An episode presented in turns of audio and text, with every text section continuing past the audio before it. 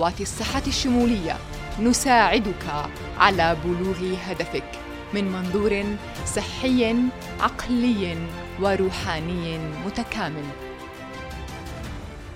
سلام. إن شاء الله رمضان كريم للجميع. اليوم بدنا نحكي عن وجبة السحور كيف إنك تستخدم السحور بحيث إنه يساعدك بالصيام ويساعدك بانك تكون صحي بشكل أكثر تأخذ فوائد الصيام اللي حكينا عنها بحلقات سابقة. alright صديقي السحور أول شيء بدك تعرفه وقت السحور إنه أنت بدك تحاول تعمل retention للمي بالنسبة للجسم بدك تحاول تحافظ على المي الموجودة بالجسم. فالأشياء اللي لازم فمن أحد الأشياء اللي لازم تعملها هي إنك actually ما تأخذ كثير fiber وقت السحور صديقي. مع إنه sound strange دائما الالياف الألياف شيء كثير منيح وهي أكيد شيء كثير منيح بدك تحاول تقلل ال fiber صديقي لأنه ال fiber لما انت تأكلها بتزيد من المي اللي بتروح على الامعاء عشان يقدر يتعامل مع يتعامل مع هذه ال fiber بشكل عام. فبالتالي إنه الأحسن إنك صح كثير منيح إنك تأخذ ال fiber بشكل عام تأخذ ال fiber وقت الفطور بس وقت السحور الاكشن الأحسن إنك تقلل ال fiber عشان تأخذ عمليات عشان إنك أنت تساعد الجسم بشكل عام يحافظ على المي تاعته. ثاني شيء صديقي انت بدك تقلل الوجبه تكون ما فيها high carbs specially ما يكون فيها كربوهيدرات عالية ال glycemic index تبعها كثير عالي. لأنه صديقي انت وقت السحور رح تاكل وجبتك.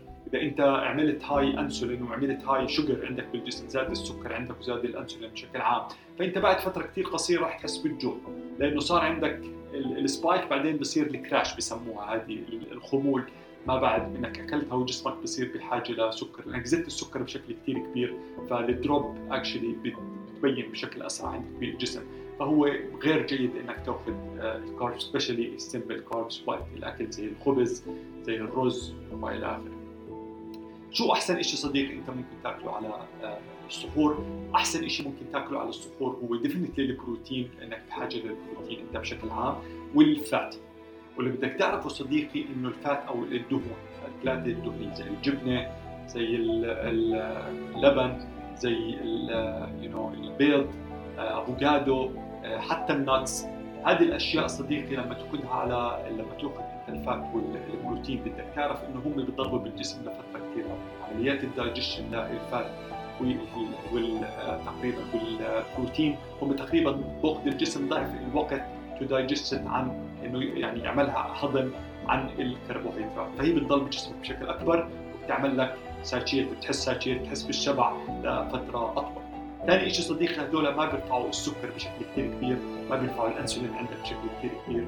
فأنت بالتالي بضل جسمك محافظ على هذا الإنسولين بشكل عام فما بتحس بال crash بعديها الشغله المهمه الثانية صديقي لما أنت تاخذ fat فأنت you signal لل body بتعطي إشارة لجسمك إنه أنا بدي إياك تعتمد على ال fat بدك تصير تحرق fat فبصير الجسم يحول يستخدم ال fat كال fuel تاعه.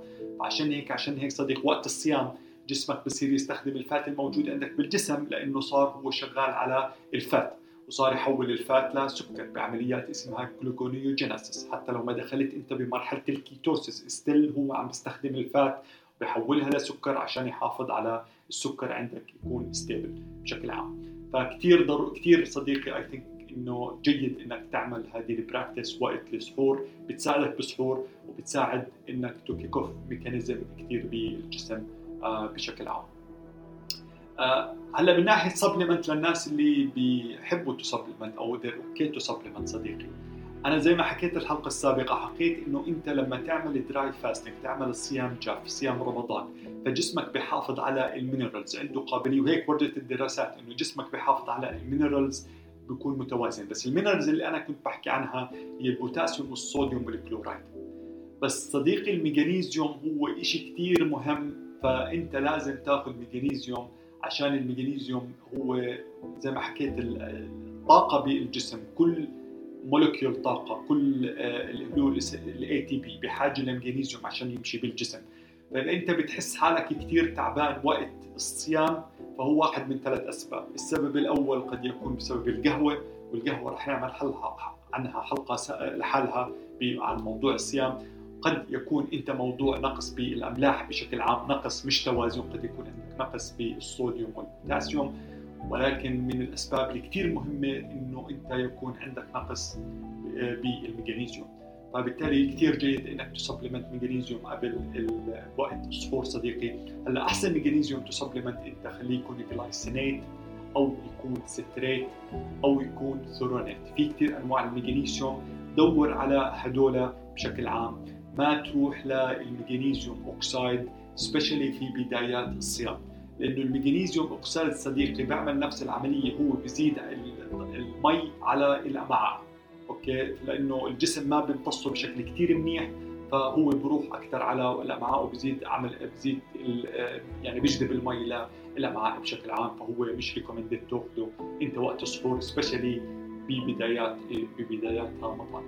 هلأ في another supplement اسمها PQQ و coenzyme 10 هدول صديقي كثير فعالات لصحة الميتوكوندريا وأنت بدك طاقة وقت ما أنت تكون تكون أنت يعني during the day بدون أكل وبدك الميتوكوندريا تكون صاحية وتصير تستخدم other آه زي ما بيسموها ال nutrients أو other mechanics آه إنك تحصل على الطاقة زي ما حكينا تستخدم ال fat تستخدم الجسم يدخل بال autophagy ويستخدم ال cells أو الفضلات الموجودة بالجسم عشان يقدر يحولها لطاقة أو يحولها ل amino acid بيستخدمها الجسم وهذا الشيء بيسرع آه بشكل عام في الميتوكوندريا.